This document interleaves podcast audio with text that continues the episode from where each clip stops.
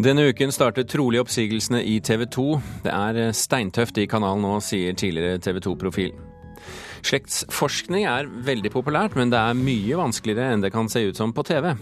Og i dag starter Tromsø internasjonale filmfestival. Allerede ligger man foran skjema for ny billettrekord. Du hører på Kulturnytt, som mot slutten av sendingen skal fortelle hva vår teaterkritiker syns om det nye stykket Det Norske Teatret har basert på Stein Torleif Bjella sine tekster.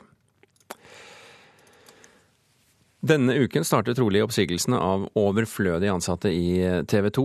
Klubben er informert om at eh, ny organisasjon blir presentert. Ledelsen har på forhånd gjennomført en kompetansekartlegging av de ansatte, og de overtallige vil trolig få beskjed om dette i løpet av uken.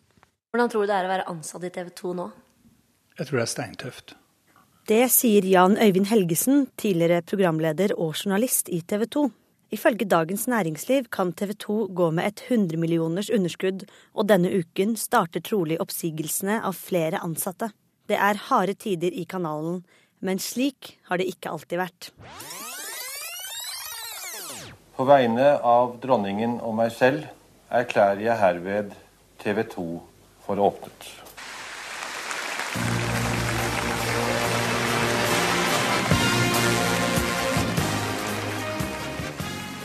I 1992 åpnet TV 2 med et brak av en festforestilling fra Bergen. I årene som fulgte, flommet pengene, og de ansatte levde glade dager. Men nå er det slutt på festen.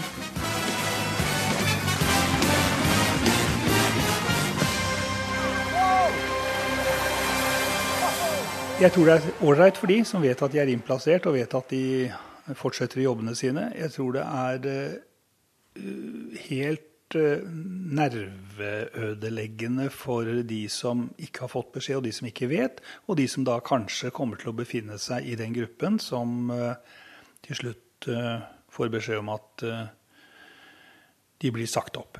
I den siste tiden har TV 2-ledelsen gjennomført en kompetansekartlegging av de ansatte. De som sitter igjen til slutt, får trolig ikke tilbud om jobb videre. Men ifølge kommentator i Dagens Næringsliv Eva Grinde er det ikke så mange andre måter å gjøre det på når man skal gjennom en stor nedbemanning. Idet en organisasjon eller bedrift eh, begynner og skal nedbemanne, så begynner folk å se seg om etter noe annet. Det er helt uvegerlig. uvegelig. Og arbeidsgivers skrekk er jo selvfølgelig at uh, de aller flinkeste skal være de som skaffer seg jobb et annet sted. og derfor så, så, vil de veldig gjerne styre hvem det er som går ut av bedriften. Sånn, sett med sjefens øyne så er jo ikke det så vanskelig å forstå. Men kan det likevel være problematisk med en slik eh, kompetansekartlegging? Ja, det kan det. Fordi det kan veldig lett få preg av å være skinnprosesser. Og man kan jo også si hvem er det som har ansvaret for at de ansatte, de som har vært ansatt i mange år, har rett kompetanse? Jo, det er jo sjefene. Og så skal de komme i en nedbemanningssituasjon og si at du har ikke rett kompetanse. Og så har de egentlig ansvaret, i hvert fall delvis, for det selv. Og Helgesen har en siste bønn til TV 2-ledelsen. Jeg er glad for at jeg ikke står midt oppi det, ja, det må jeg innrømme. Jeg har vært i TV 2 i nesten 25 år. Og vi har hatt uh, sluttpakker før og vanskelige situasjoner, svært vanskelige situasjoner før, men vi har aldri sagt opp noen. Og jeg må si at innerst inne så er det mitt håp til den ledelsen vi har nå.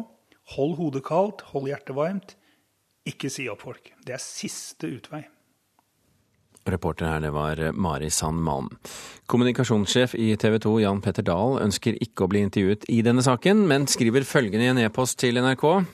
Dette er vanskelige og krevende dager for våre medarbeidere, og vi ønsker heller ikke å bidra til økt ekstern oppmerksomhet rundt interne prosesser i TV 2. Han skriver at eh, ingen medarbeidere på nåværende tidspunkt vil få en oppsigelse, men at de som ikke er bemannet inn i den nye organisasjonen, vil få tilbud om sluttavtale.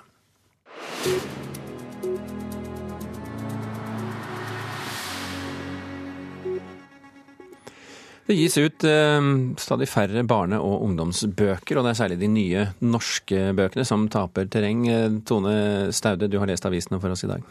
Ja, det er eh, Norsk barnebokinstitutt som har eh, foretatt en opptelling. Den er gjengitt i Klassekampen. Hvis du tar årene fra 2011 til 2015, så er det gitt ut 100 færre bøker eh, på norsk for barn og ungdom. Mens ja, altså i, i 2011 var tallet 445 barnebøker. I 2015 var det 359. Det kan være at folk i den aldersgruppen er mer opptatt av sirkus enn bøker.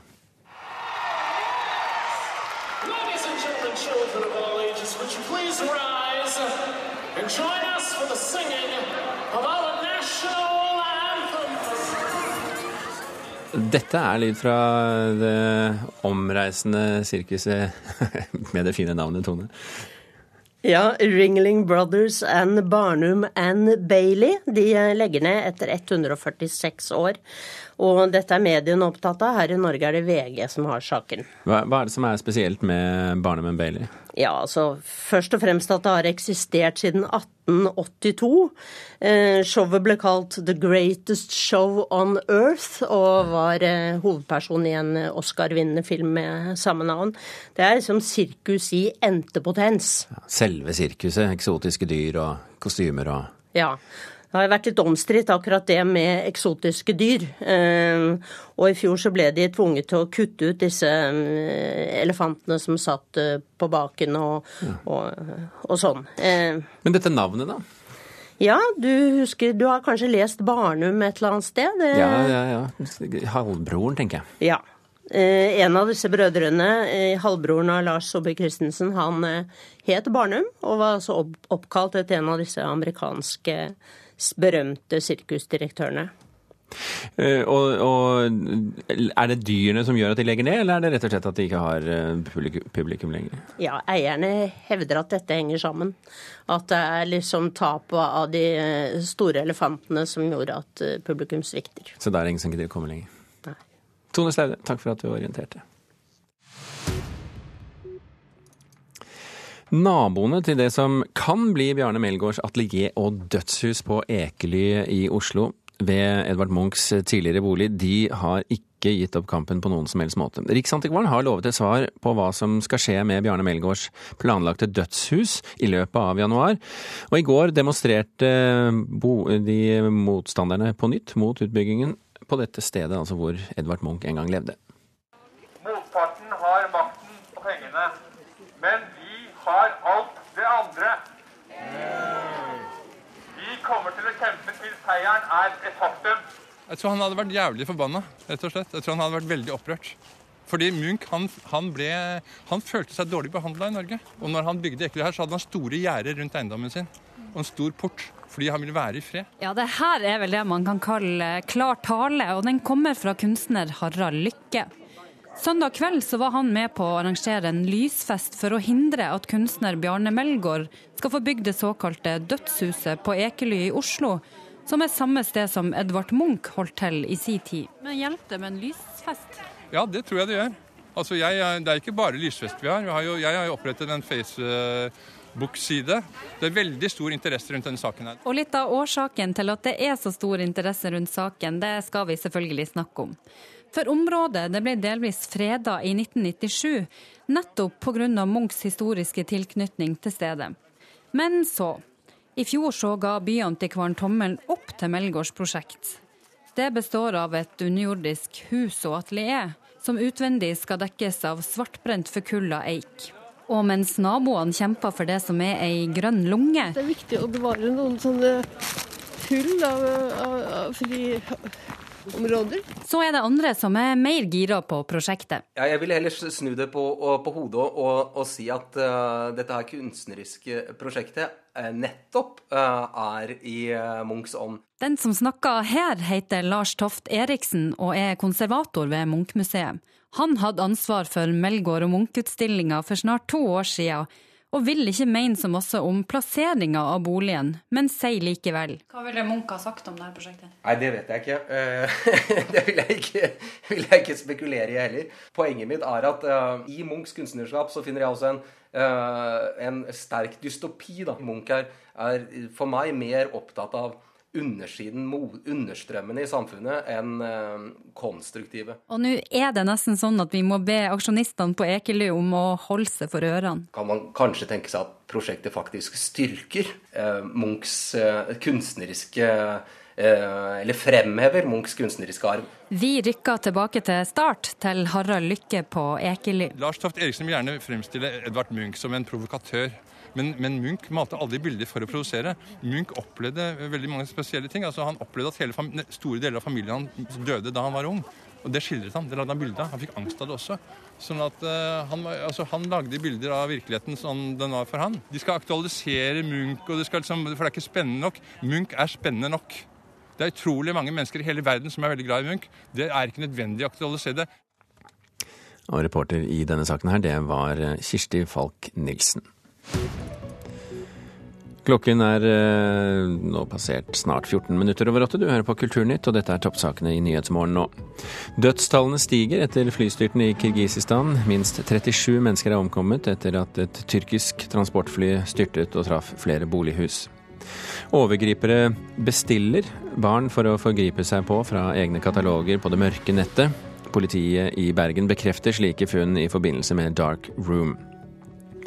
Og ungdom av foreldre med lav utdanning starter å drikke tidligere. De drikker oftere og vesentlig mer enn andre.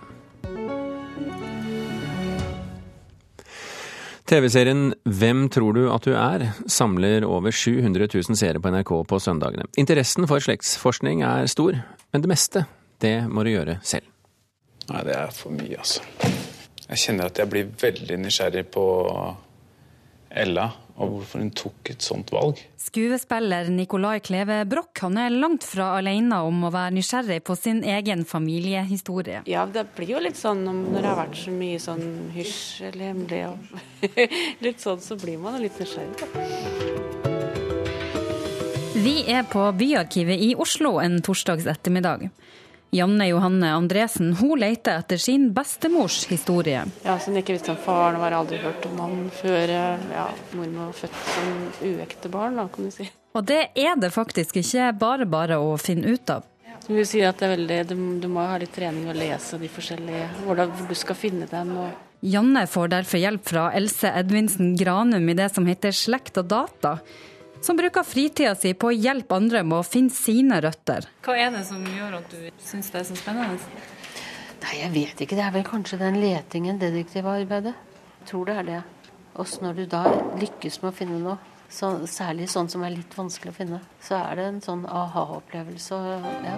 I serien Hvem tror du at du er, så får deltakerne en mappe med sin families historie. Det er eh, en mappe her som er eh, med det navnet du, du, nevner. Men sånn er det ikke for alle de som ikke er med i TV-programmet. Det er jo ikke sånn at vi, vi, på en måte leverer ut ferdige slektstrær eller, eller, har en sånn samlemappe på hver enkelt person. Det sier Mari Arnekleiv Bekkelund fra Riksarkivet som har gravd fram store deler av de historiene som vi kan se på Hvem tror du at du er? Jeg har jo hørt det fra de som jobber i, i Digitalarkivet, at de ofte får telefoner fra folk som ønsker seg slektstreet sitt, som vil ha det på bestilling. Men det er jo ikke noe offentlig sektor gjør.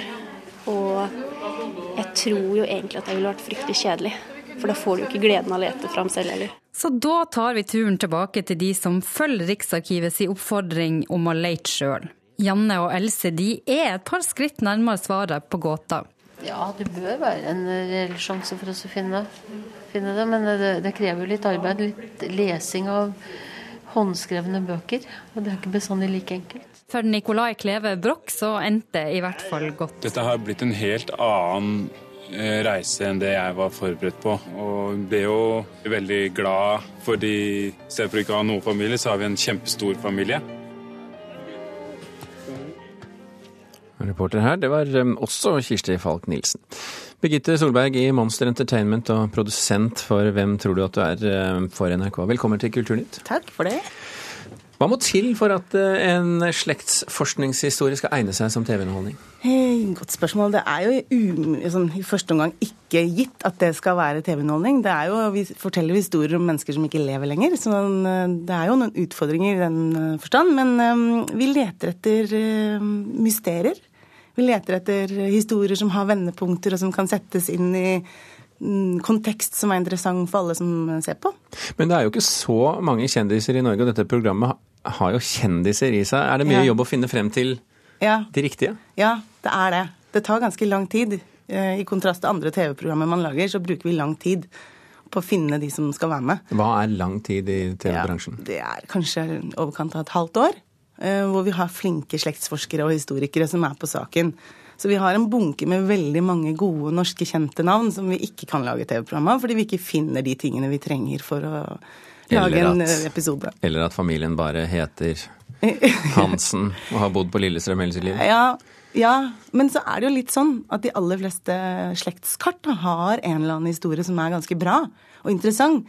Men man må ha de kildene som skal til.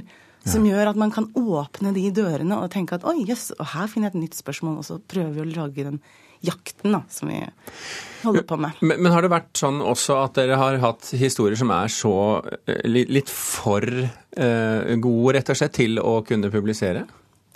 Um, ja, det er um, vanskelig spørsmål. Jeg, nei, men det vi innimellom møter på, er um, noen tabuer som er igjen, som man ikke har lyst til å fortelle om på TV. Det er som for jo eksempel?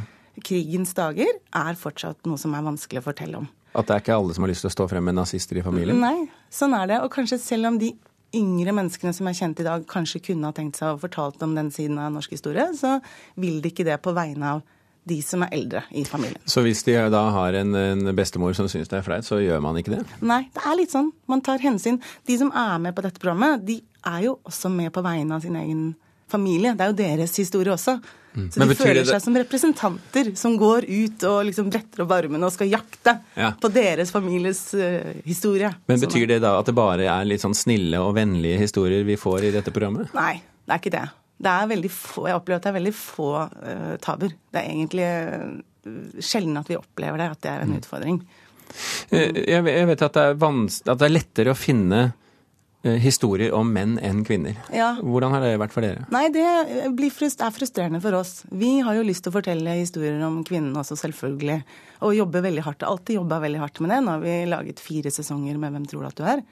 Og vi ønsker historier om kvinner. Men i disse arkivene, som vi er så avhengig av å åpne for å fortelle historiene, så er det jo menn som er nedskrevet i størst grad. Mm. Og ikke kvinnenes historie, som har gjort andre innsatser og andre ting. Så det betyr også at hvis du, har, eh, hvis du først finner kvinnehistorier, så er det ofte eh, rike familier, eh, høyt utdannet, gårdeiere, Ja, jordeiere, ja, sånne det er det ene. Men selv da er ikke kvinnenes historie nødvendigvis mest interessante i kildene. Og jeg kommer hele tiden tilbake til arkivene, for vi samarbeider med de, alle arkivene i Norge.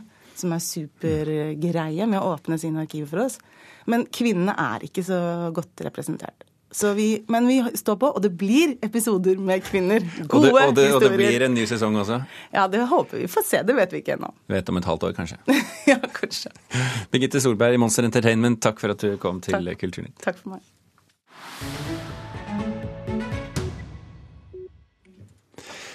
I dag starter Tromsø internasjonale filmfestival, den 27. festivalen i rekka. Festivalen er Norges største filmfestival i antall solgte billetter, og ligger eh, allerede foran skjema for ny billettrekord. Eh, og da må vi stille spørsmålet Rune Norgård Andreassen, vår reporter eh, ved Verdensteatret i Tromsø. Synes det også mandag morgen, eller er det tomt der oppe? Du, akkurat nå så åpna de døren inn til salen på Verdensteatret, og her stimler folk inn vet du, for å få med seg den finske dokumentaren 'Kaisas Enchanted Forest'. De gjorde ei opptelling på lørdagskvelden, og var, da var det solgt over 34 000 billetter. Så da ligger man allerede foran fjorårsskjemaet. To av de som jeg fant i køa her, er Gunn Marie Bergan fra Sør-Senja og Bente Brox fra Malangen, bosatt i eh, Tromsø.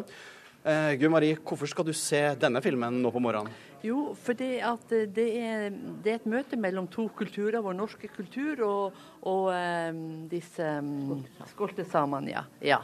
Og det interesserer meg, for jeg jobber i Finnmark. Så jeg kjenner godt til den samiske kulturen. Bente Brox, hvor mange filmer skal du nå se de neste dagene under filmfestivalen i Tromsø? Jeg vet du hva, jeg skal se over 20 filmer. Tre hver dag. Jeg er hekta. Ja, hvorfor bruker du så mye tid? Nei, for det at jeg syns det er så artig. Jeg syns det er en flott festival, og det er filmer som tar opp aktuelle problemstillinger.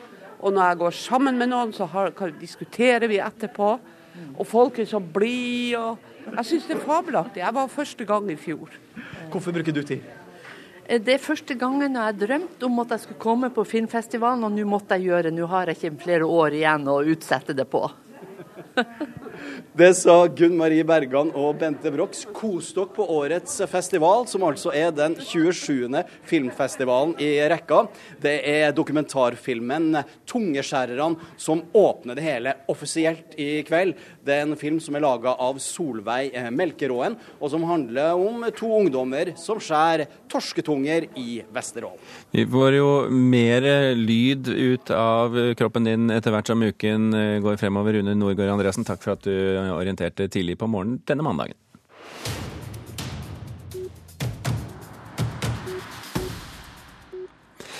Vi har snakket om den i et par runder her i Kulturnytt nå, teaterforestillingen som bygger på Stein Torleif Bjellas tekster. For da Bjella selv ikke kom videre med tanken om å skrive noe for teaterscenen, så tok Det Norske Teatret grep og laget en forestilling av det han allerede hadde skrevet. Og forestillingen Kan noen gripe inn? Den hadde premiere på lørdag. Men hvor bra ble den egentlig?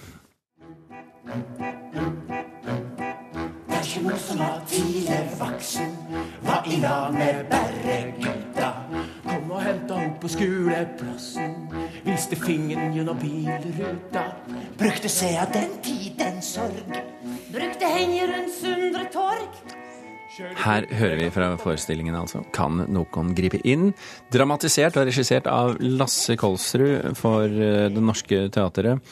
Tekster skrevet av Stein Torleif Bjella. Karen Frøsland Nystøl, teaterkritiker her i NRK. Hvordan ble Bjellas tekster når de ble gjort om til teater? Ja, dette er ikke en teaterforestilling i, i, vanlig forstand, dette er en teaterkonsert.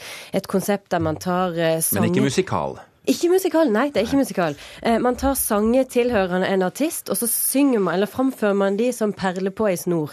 Og det er det som skjer. Det er så å si ingen replikker eller noe tale mellom numrene. Det er sangene i seg sjøl som er dramaturgien, som er forestillinga. Eh, og ofte så er det en rød tråd, men det trenger ikke være en historie. Det kan være noe i, i scenografien eller andre ting. Her har Lasse Kolsrud skapt seks karakterer. Vi hørte om hun ene, den gravide jenta i sangen 'Redningsmannen' i starten her. Så er det kunstneren og optimisten og innegubben og den som er blitt sveget, osv. Og de befinner seg på en togstasjon. Og toget det kommer da selvfølgelig aldri. Og en togstasjon er jo et slags venterom. Vi er på et venterom i livet der alle gjennom sangene presenterer seg sjøl og fortelle hvordan det er å være menneske, hvordan det er å leve. Og der kan det knyttes mange tråder. Der blir det etter hvert ei slags fortelling.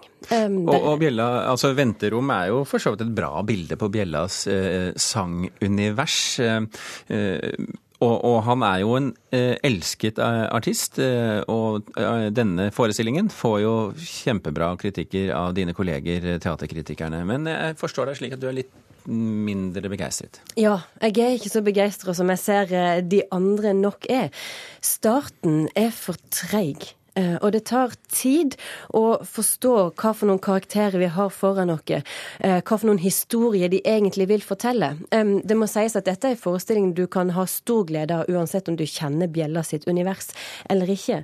Men sangene fra scenen fungerer aller best når de er bygd opp under dramatisk på forhånd, når det er liksom sparka opp til de på forhånd, og du har en aning om hva som kan komme til å skje. Jeg syns det er vanskelig at skuespillerne ikke skal være musikalartister med det handlings- og bevegelsesrommet som de har, og at de heller ikke skal være skuespillere, men at de skal synge og framføre andre sitt materiale. Jeg syns noen ganger det blir litt begrensende på skuespillerne. Jeg syns det er vanskelig å finne de gode de gode karakterene der. Og så syns jeg nok òg at vokalt at skuespillere noen ganger prøver litt for hardt på å være rocka. At de kanskje heller skal leite etter egenart i sin egen sangstemme. At det kan skje mye mer spennende ting der, da. Men det teaterteknisk til tross ikke så sterkt. Bjella er likt over hele landet. Han skal, denne forestillingen skal nå ut på turné over hele landet. Vil det da, til tross for dine innvendinger, likevel bli en suksess, tror du? Jeg tror mange vil være glad i denne forestillinga. Den er lett å forstå, og den går rett til hjertet på deg.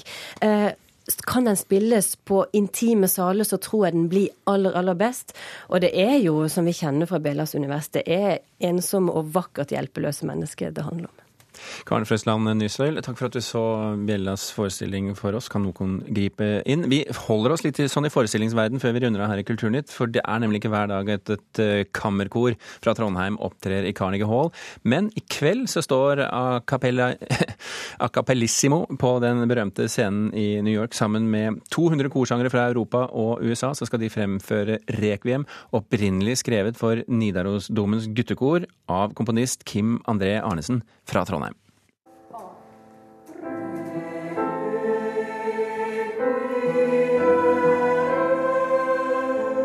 Med på en av de siste øvelsene før avreise til New York, for i kveld står de 26 sangerne i kammerkoret av Cappellissimo og deres dirigent Grete Daling på scenen i Carnegie Hall. Det blir veldig artig.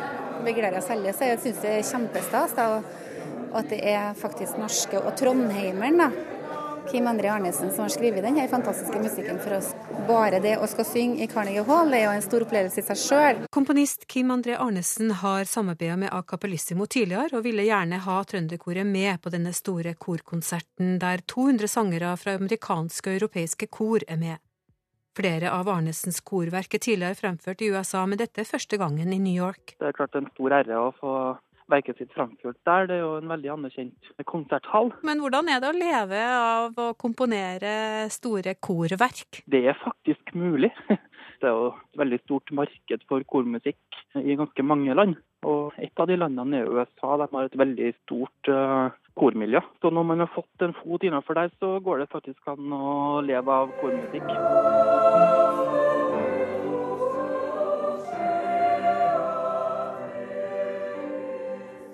Du hørte til slutt Jon Anders Kleven til reporter Grete Tobro. Kulturnytt eh, er i ferd med å runde av. Vi nærmer oss klokken halv ni. Gjermund Jappé og Birger Kolsrud Aasund takker for følget.